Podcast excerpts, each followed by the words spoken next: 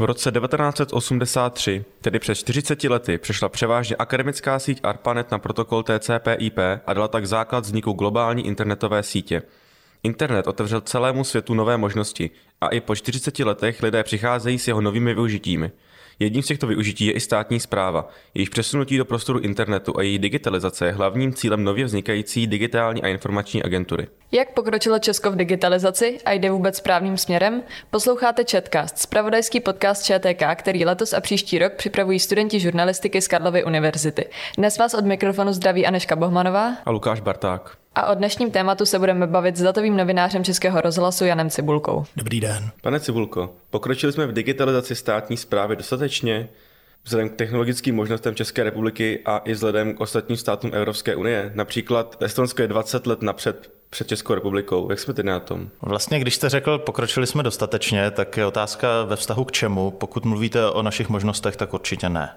Česká republika má, a shodují se na tom úplně všichni napříč tím IT sektorem, jako opravdu velký potenciál. Jsou tady velké technologické firmy, a to jak ty zahraniční, tak i české, velmi úspěšné. Máme tady už prvního unikorna a další firmy se tomu blíží ale Česká republika, pokud se podíváme na to, co dělá veřejná zpráva, tak to rozhodně jako nedosahuje tady toho potenciálu ani, ani náznakem. Jedním z firm digitalizace probíhající v Česku jsou takzvané checkpointy. Mohl byste nějak vysvětlit, co to je a jsou checkpointy dostatečným stupněm té digitalizace? Je otázka, jestli checkpointy vůbec počítat na digitalizaci, protože to jsou vlastně jako místa pro fyzický styk státu s občanem, je to vlastně úřední přepážka, kdy ten občan nemusí na ten konkrétní úřad řešit tu agendu, to znamená třeba, když si zřizuje živnostenské oprávnění, tak nemusí na živnostenský úřad. Eh, když eh, si chce požádat o výpis z rejstříku trestu, tak nemusí prostě k přepážce rejstříku, ale všechno tohle tomu státní zpráva jaksi pořídí na dálku, nicméně na té konkrétní přepážce toho checkpointu.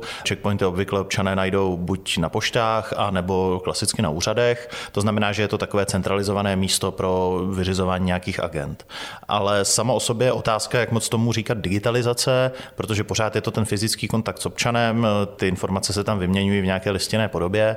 Možná bychom si dneska už pod tou digitalizací představovali buď, že to občan celé vyřídí na dálku, anebo možná ještě lépe, že stát v těch digitálních agendách pokročí natolik, že spoustu těch úkonů vůbec nebude po občanovi požadovat. To znamená třeba typicky ten výpis z rejstříku trestů ve chvíli často, když ho občan potřebuje, tak ho potřebuje ve vztahu k veřejné správě. Možná by bylo fajn, kdyby se veřejná zpráva opatřila sama, občan tedy nemusel získat papír a přinést papír. A fungují tady checkpointy alespoň v té míře, jak jsou teď dostatečně dobře? Je to něco, co lidé používají, čím se vlastně mohou ve styku se státem efektivněji používat, než pět po úřadech? Určitě to eh, jako nějaké zlepšení, řeknu, proti tomu rakousko-herskému modelu je, ale uh, jednak často jde o úkony spoplatněné, ano, ono to generuje nějakou činnost na, na straně státní zprávy, ale otázka je, že pokud tady eh, jako investujeme do digitalizace, tak zdali se vlastně tomu spoplatnění už nemůžeme vyhnout. A hlavně ten checkpoint by opravdu neměl být ten finální jako produkt státní digitalizace. Ano, pořád tady budou občané, kteří z nějakého důvodu prostě budou preferovat ten osobní styk, řeknu v vozovkách s tím úředníkem, ale objektivně asi můžeme říct, že takových lidí spíš ubývá a bylo by fajn, kdyby stát šel těm ostatním naproti i tak, že ty služby státu, pokud budou poskytované online, online, tak budou natolik přívětivé, že vlastně lidé si řeknou, já to opravdu zvládnu, pro mě to nebude problém, i když třeba digitální technologie nejsou úplně moje hobby a nebudu proto mít potřebu jít tedy si o tom popovídat s úřednicí někam na přepážku v pracovní době té pošty. Další téma, na které bychom se vás chtěli zeptat, jsou datové schránky. Hodně se teď řeší eh, zejména automatické zřizování datových schránek státem. Je to podle vás dobrý nápad a pomůžou ve zrychlení té digitalizace? Tu digitalizaci to samozřejmě nějakým způsobem zrychlí. Čerstvě podepsal prezident novelu, která naopak to zřizování trošku jako zpomalila. To znamená, že nově se ty datové schránky budou zřizovat jenom eh, osobám podnikajícím. Co je poněkud nepříjemné překvapení a pro řadu lidí asi bude, tak to nejsou osoby podnikající jenom podle živnostenského zákona, ale jsou to například tisíce lidí, kteří podnikají podle zákona o zemědělství. A protože i ti jsou zapsáni v té, ve veřejném rejstříku a zákon hovoří o osobách podnikajících zapsaných ve veřejném rejstříku. No a tyto osoby tedy dostanou někdy v průběhu příštího roku datovou schránku, dostanou ji tedy jaksi befelem a budou ji muset užívat eh, ve vztahu vztahu, jednak ve vztahu k příjmu těch podání ze strany veřejné zprávy, to znamená, budou si muset kontrolovat a tedy sledovat, že jim tam něco nepřišlo, podobně jako dneska s poštovní schránkou, ale je otázka, protože co jsem viděl na poslední chvíli, píše o tom hezký Jiří Peterka na lupa.cz, tak eh, finanční zpráva stále jak si nějak upřesňuje nějaká svá stanoviska, nicméně velmi pravděpodobně eh, tito lidé ve chvíli, kdy budou činit nějaké podání vůči tomu správci daně, tak budou muset činit takto elektronicky. Když už jsme u těch datových schránek, pojem datová schránka vznikl v roce 2009, nebo byl definován v zákonníku. Od té doby vlastně vzniklo 1,7 milionů datových schránek. To je včetně právnických a fyzických osob. Je to za těch 23 let dostatečně, dostatečné množství? Propaguje dostat dostatečně? Já si nemyslím, že otázka je jenom propagace. Do té teď Česká republika investovala. Měli jsme tady nějakou jako reklamní kampaň na datové schránky. Byla najatá speciální PR agentura, která měla vlastně šířit jméno, dobré jméno datových schránek v médiích, takže my jako novináři jsme tady tomu byli vystaveni.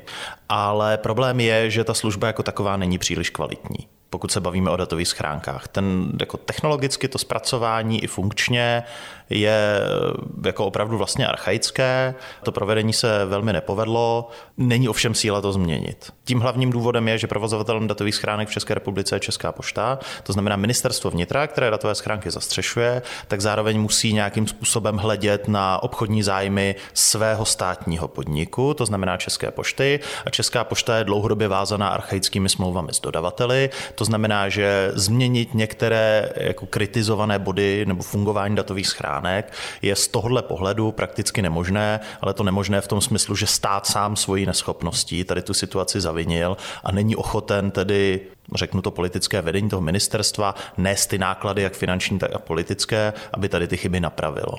Tím typickým, asi nejčastěji zmiňovaným nedostatkem je to mizení zpráv po 90 dnech od přečtení, což je naprosto nepochopitelná věc Nicméně vznikla nějakým způsobem historicky a veřejná zpráva nyní říká, že změnit tady to fungování by bylo extrémně nákladné. To znamená, že zase ministerstvo vnitra vykládá nějaké další prostředky, když provozuje takzvaný portál občana, což řeknu je nějaká jako souběžná nadstavbová služba, kam si člověk může datovou schránku připojit, může si tam s ní ty dokumenty ukládat, pak mu tam ty dokumenty vydrží nějakou delší dobu, e, zároveň tam ty zprávy může nějak pohodlněji číst, ale už jenom, že se tady o tom bavíme, že máme nějaké dvě služby, ty jsou na sebe napojené, jsou mezi nimi nějaké vztahy, které mají i třeba právní dopady, protože ve chvíli, kdy si napojíte datovou schránku na portál občana, necháváte si ty zprávy přeposílat mailem, tak vám tam zase se spouští běh lhůt a další vlastně jako velmi komplikované z pohledu správního práva situace, tak eh, úplně nepřispívá tomu, že by běžný občan to dobře chápal, měl v to důvěru a byl ochotný to používat.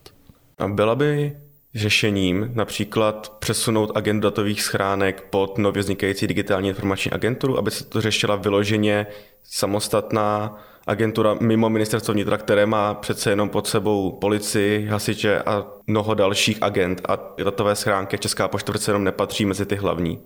DIA je tady v tu chvíli spatřovaná jako řešení, minimálně je takhle prezentovaná jako jejími hlavními proponenty, to znamená Pirátskou stranou. Tam hodně musíme brát v potaz, že je to vlastně jako jediný jejich realisticky vypadající výstup politický, to znamená, že musí jí prezentovat hodně, řeknu nadneseně, protože je to jediná jejich šance, jak v tom malém počtu v té sněmovně nějakým způsobem prezentovat výsledky. Problém je, že vzniká nová organizace.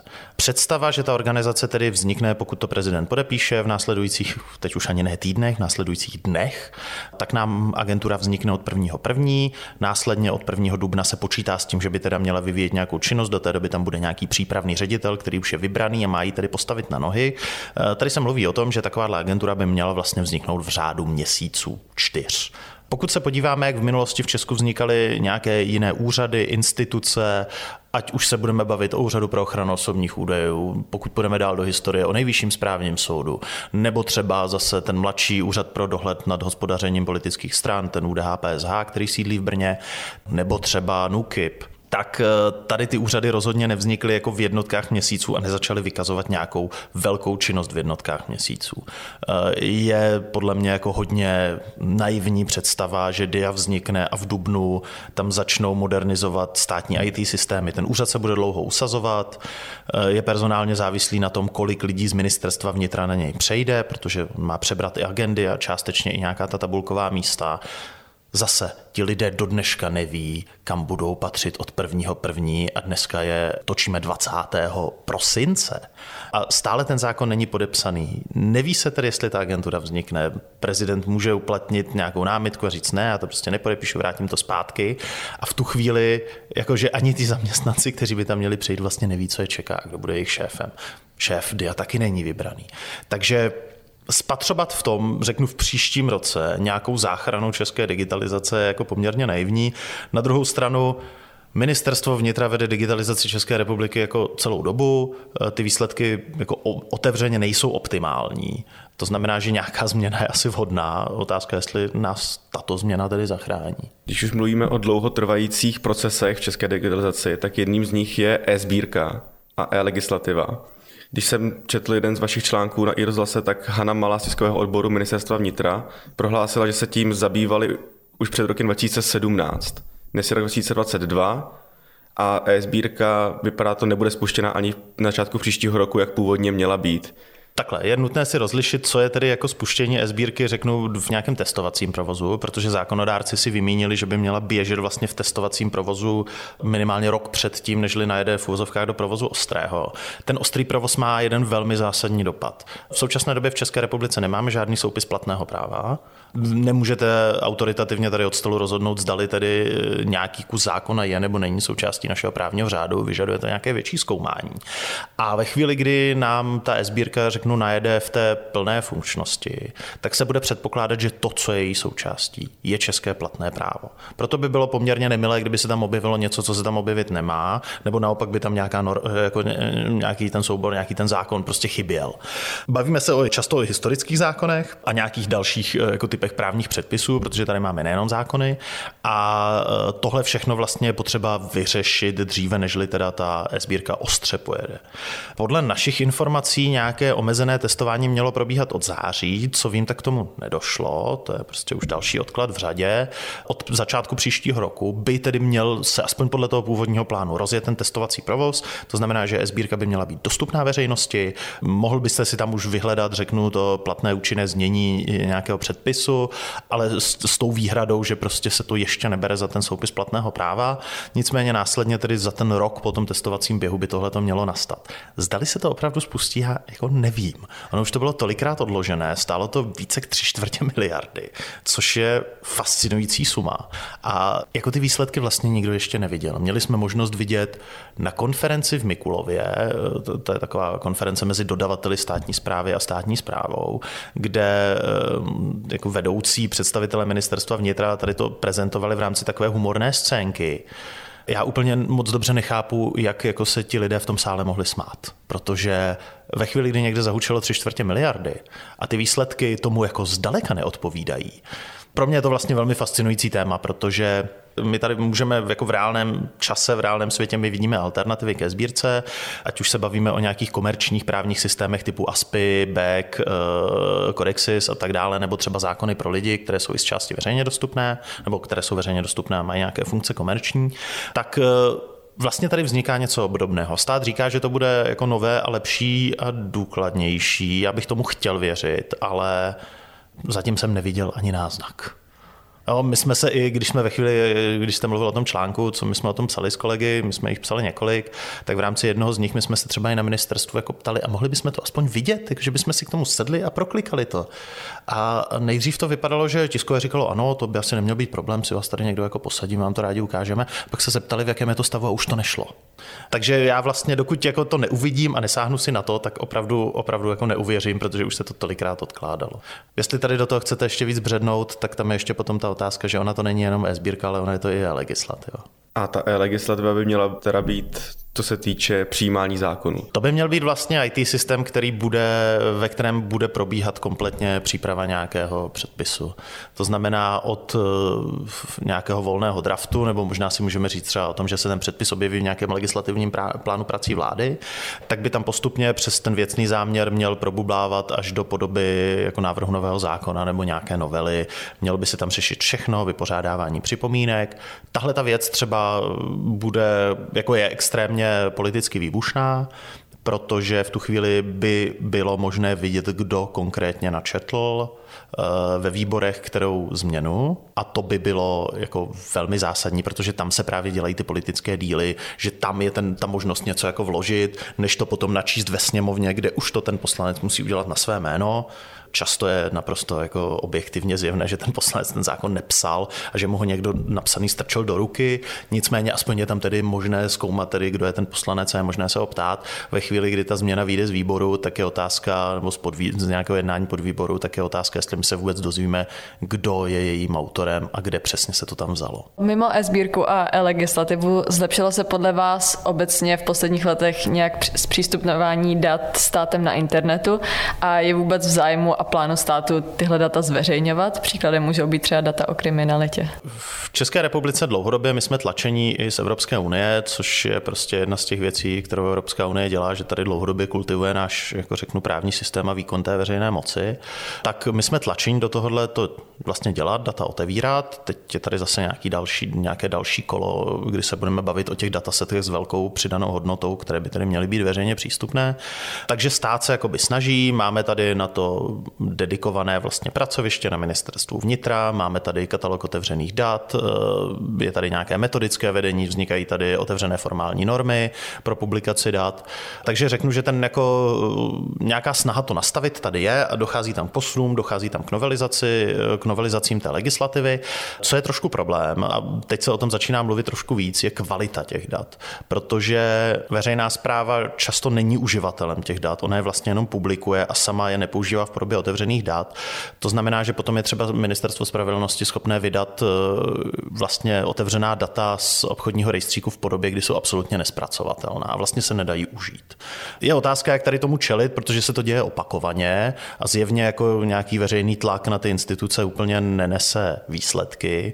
Eh, jedním z těch metod, která se jako prosazuje v zahraničí, je takzvaný dogfeeding. To znamená, že veřejná zpráva ve chvíli, kdy využívá informace obsažené v otevřených datech, tak je musí konzumovat prostřednictvím těch otevřených dat. Úplně zjednodušeně řečeno, pokud by toto platilo třeba v případě obchodního rejstříku a bylo by stanoveno, že všechny rejstříkové soudy v republice musí ke své činnosti využívat otevřená data ministerstva eh, spravedlnosti, tak by tady nedošlo k zápisu žádné obchodní společnosti prostě příští půl rok a pak by se to zatraceně rychle změnilo, ta situace. Ale tím, že tady ten tlak není, tak ta data, která ministerstvo publikuje, můžou být jako pro člověka, který má trochu nějaký technologický vzhled do těch standardů, formátů a do technologií, které se tam používají, je úplně nepochopitelné, jak dodavatel jako s deseti milionovými rozpočty v rámci toho rezortu je schopný jako něco takhle mimořádně skazit a jako odevzdat tak strašně nekvalitní práci. Vy jste sám v roce 2016, myslím, žádal data o kriminalitě po policii České republiky a skončil jste s tím až u ústavního soudu jelikož policie po vás požadovala 25 milionů za zveřejnění dat, která nebyla schopná levněji zpracovat podle jejich tak my objektivně víme, že policie toho schopná byla, protože v rámci vlastně v, během toho soudního sporu policie získala uh, nějaké evropské peníze, uh, vytvořila celý IT systém, který funguje nejenom pro veřejnost, ale částečně tam pracuje s těmi daty o kriminalitě, mohou tam pracovat obce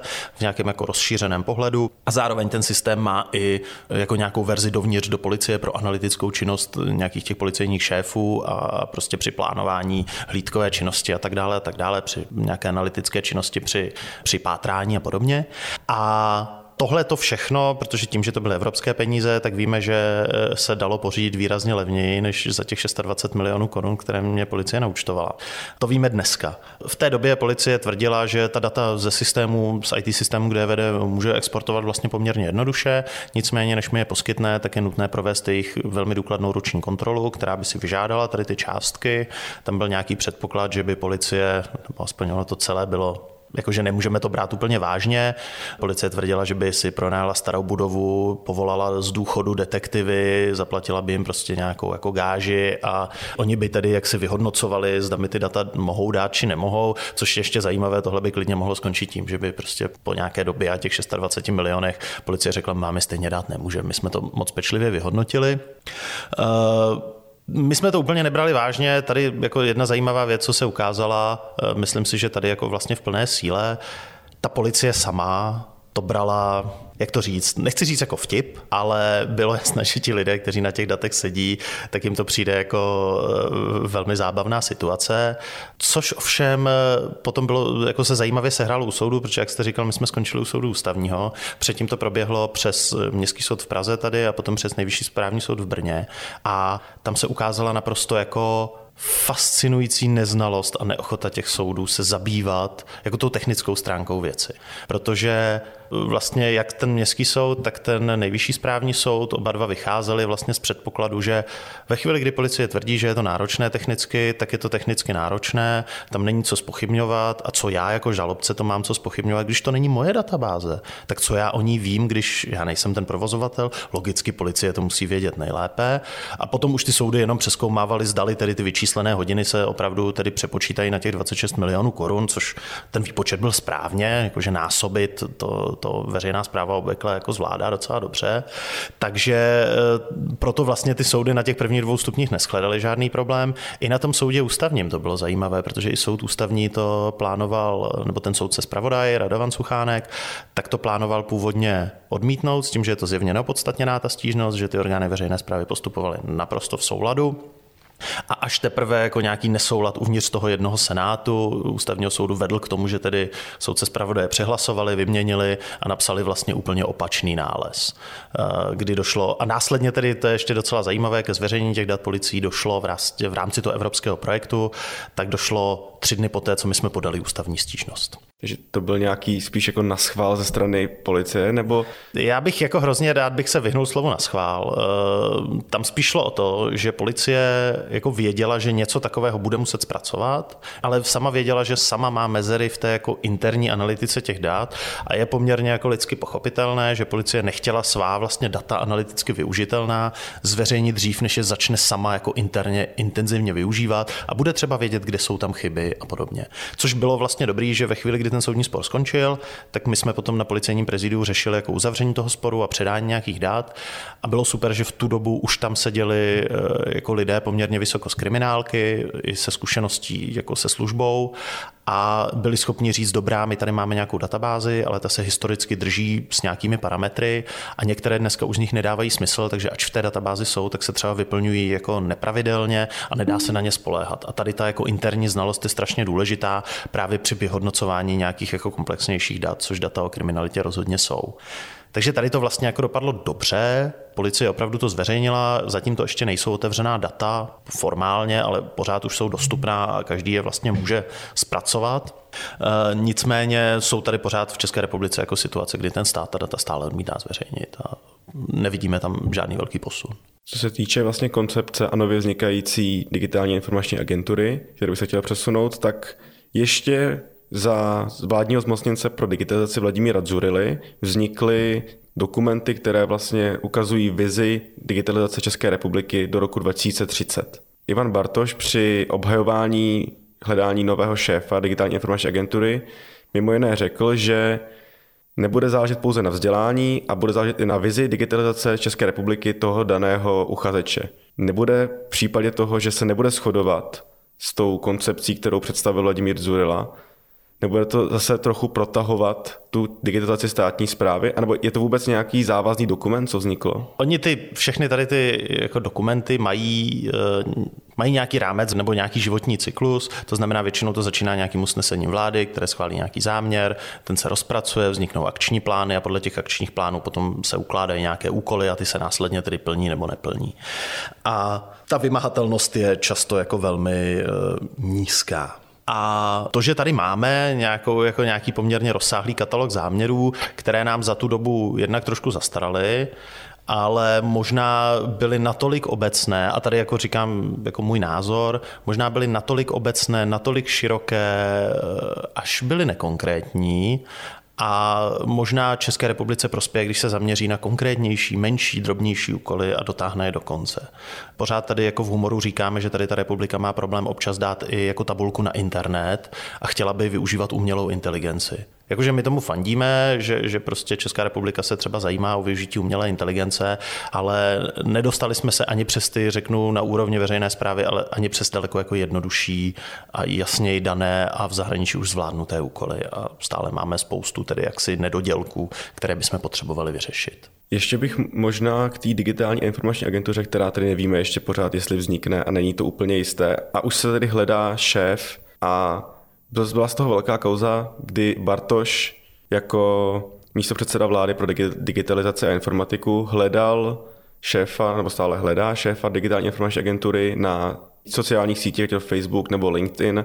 A ještě vážnější z toho bylo vyvození toho, že vlastně ne, nepožaduje žádné vysokoškolské vzdělání, což se ze státní správě běžně vyžaduje i bylo to velké téma i u šéfa Národní sportovní agentury, kdy vlastně musel být vyměněn současný šéf kvůli tomu, že neměl dokončené magisterské vzdělání. Tak je to něco, co potřebuje ten šéf digitální a informační agentury, nebo záleží především na zkušenostech a nějaké odbornosti? Tohle je otázka, která se ve veřejné správě řeší docela dlouho.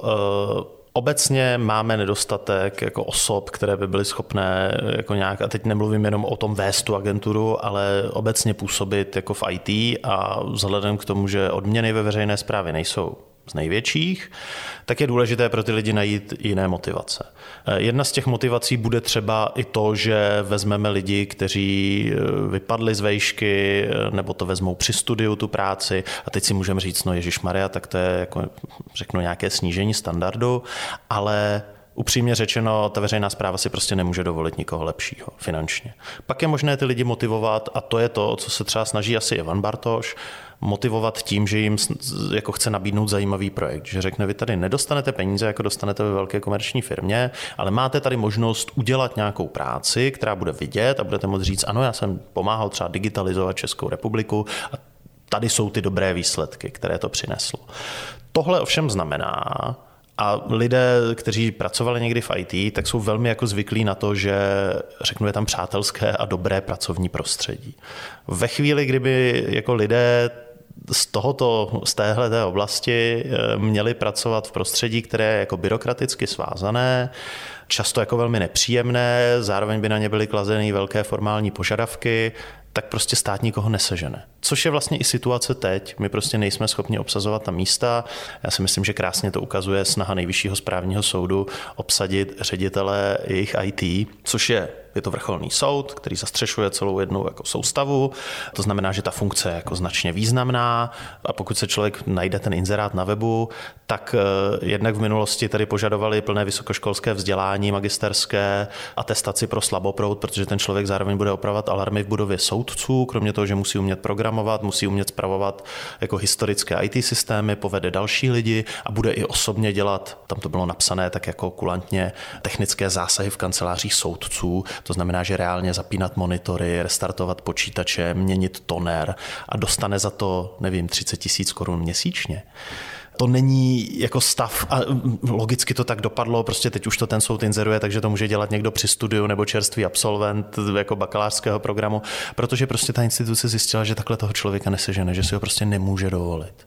A jakože já si myslím, že prostě státní zpráva bude muset v tomhle směru couvnout a začít tedy brát opravdu, kdo na tom trhu je, s tím, že ty lidé udělají spoustu práce, protože obecně tím, že to IT je jako čerstvě nastupující obor, tak ve spoustě případů prostě neplatí, že člověk tu vysokou školu nezbytně potřebuje. Ve chvíli, kdy scháníme jako dobrého programátora, tak se stejně nejspíš, řeknu nějaký jako moderní frontendový framework, javascriptový, asi jako nenaučil na předmětu na vysoké škole. Asi se ho naučil někde po večerech sám doma nebo tím, že někde pracoval. A takový člověk jako perfektně zastane svoji práci a stát ho může využít a je tedy škoda si zavírat ty dveře, že tam budeme vyžadovat eh, jako nějaké formální vzdělání. Na druhou stranu, to, že tady, že Ivan Bartoš tohleto jako zveřejnil, řeknu takhle moderně na svých sociálních sítích, řekl, není potřeba vejška, prostě bereme každýho, kdo se nám, nebo bereme toho, kdo se nám bude nejvíc zamlouvat, tak je to velmi varovný signál dovnitř té veřejné zprávy protože to najednou ukazuje, že se nějakým způsobem mění standardy a otevírá to otázky a není už ten člověk náhodou vybraný, ono to konec konců zaznělo ve sněmovně, kde jeden z poslanců říkal, já tady mě je úplně jasné, že to mají dostat tady ti dva prostě lidé z okruhu, eh, z okruhu vicepremiéra, kteří oba dva nemají vysokou školu, takže ten aspoň jeden, nevím jak ten druhý, eh, tak jako jestli tohle nemá být ten argument, co jsem pochopil, tak ani jeden z nich není zvažovaný na toho ředitele, ale zase nejsem tak blízko tomu výběru, abych jako to mohl říct nějak jistě. Ale dovnitř té veřejné zprávy to jako vyvolává jisté otázky. Zdali to prostě není dohodnuté dopředu, protože třeba ten požadavek na vzdělání nebo na praxi a na další, řeknu jako formální kvalifikace je prostě ve veřejné zprávě jako trvale daný, známý a pracuje se s ním naprosto rutině. Vraťme se úplně na začátek. Internet vznikl před 40 lety. Jaké byly vaše první zkušenosti s internetem? Já jsem rozhodně jsem nebyl u toho, když se internet připojoval do České republiky. Eh, já můžu mluvit asi jako o tom momentu, eh, jak já jsem se jako prvně připojoval k internetu, protože v době, kdy já jsem chodil na základku a na střední hlavně, teda, to, tak už začala být internet ta věc nějaká ale pořád to rodiče brali jako nějaký výstřelek, takže prostě nebyla úplně ta ochota připojovat internet někam doma. A já nebudu úplně konkrétní, aby se ještě někdo neozval, ale já jsem měl vlastně naproti eh, oknu z mého pokoje dětského, tak byl budova takového pekařského koncernu a oni měli nezabezpečenou Wi-Fi, a já jsem si vlastně doma vyráběl, v té době byly návody jak z plechovky od nakládaných párků, což je taková odpornost ze separátu, jak si vyrobit jako vlastně Wi-Fi anténu, která funguje na poměrně velké vzdálenosti. Já jsem se vlastně připojoval samozřejmě bezvědomí majitelé té Wi-Fi na tu Wi-Fi v tom pekařském koncernu a to byl vlastně bylo moje první připojení k internetu, než tedy jsem samozřejmě přesvědčil po čase rodiče, aby jsme tady jako ten kabel nechali natáhnout. No. A jak se od té doby změnil internet? Tak je rychlejší samozřejmě, dostupnější. Dneska už máme každý v kapse krabičku, která je připojená k internetu. Chtěl bych říct, v té době to prostě stálo Myland, dneska už to Myland nestojí, tak pořád ta data jsou v České republice, mobilní data jsou extrémně drahá ve srovnání s Evropou, ale eh, samozřejmě je to jako dostupnější a děláme už spoustu věcí, které si jako bez internetu asi už dneska nedovedeme představit a v minulosti to bylo úplně normální. Teď jsem k tomu četl vlastně pěkný článek, který byl v New York Times, který se věnoval skupině nějakých amerických středoškolských studentů, kteří si založili takovou skupinu prostě školních luditů s tím, že vědomě jako odmítají technologie, to znamená, že pokud používají telefony, tak používají nějaké takové ty sklapovací Včka, eh, žádné, žádné prostě mobilní aplikace připojené k internetu a e, scházejí se pravidelně prostě někde e, v parku a tam si povídají o knížkách a podobně. A vlastně zajímavé na tom bylo, e, jak tam jedna ta studentka říkala, že i když sněží, i když prší, tak prostě všichni musí přijít, protože tím, jak spolu nekomunikují elektronicky, tak nemají jako způsob, jak jinak se prostě svolat a koordinovat. Takže ano, jakože byly takové časy, že on to zachytili vtipně Jara Zimmerman, jak se mu rozpadl ten spolek, když šli na Štěpána koledovat a neřekli si kdy a kde kde se sejdou a už se nikdy nenašli, tak, tak přesně to je prostě, to ukazuje, jaké to bylo před internetem. No. A možná ještě, jaké jsou podle vás naopak vyhlídky eh, do budoucna toho využití internetu státem? Pokud se bavíme o využití internetu státem, tak tam jsem bohužel byl na těch začátcích, protože jsem měl vlastně hned, jako, jakmile bylo možné si řídit datovou schránku, jak jsem měl datovou schránku, používal jsem elektronický podpis předtím, státní zpráva to odmítala využívat, úředníci to bojkotovali, nefungovalo to, ty orgány prostě ignorovaly svoji, svoji vlastní zákonnou úpravu, eh, do datových schránek se ze zásady nekomunikovalo, i když to zákon vysloveně říkal, že se musí. Specialistou v tomhle byla Česká zpráva sociálního zabezpečení, která prostě absolutně elektronicky vždycky ne, nazdar, nikdy. A zásadně posílali dopisy s pruhem, i když to bylo zjevně proti zákonu, bylo jim to úplně jedno. A tohle se samozřejmě proměnilo za tu dobu. Ta veřejná zpráva naopak teď se to otáčí, že ta veřejná zpráva to začíná tvrdě vyžadovat vlastně po občanech, ač sama s tím dlouhodobě měla problémy a vlastně až teprve soudy, nejvyšší soud nějakou judikaturu musel jako donutit vlastně veřejnou zprávu ty datové schránky opravdu využívat v jednu dobu, což vlastně je takové paradoxní z toho dnešního pohledu. Na druhou stranu není tomu to, bude to tak dva, tři měsíce, kdy ústavní soud vydával zase nález týkající se nějakých niancí doručování do datových schránek. Tady je vidět, že jako pořád to prostě není úplně jako sedlé, ušlapané, když i ústavní soud se prostě musí vyjadřovat k něčemu, jako jak funguje doručování v datových schránkách. Hostem dnešního chatcastu byl datový novinář Českého rozhlasu Jan Cibulka. Děkujeme. Mějte se, nashledanou.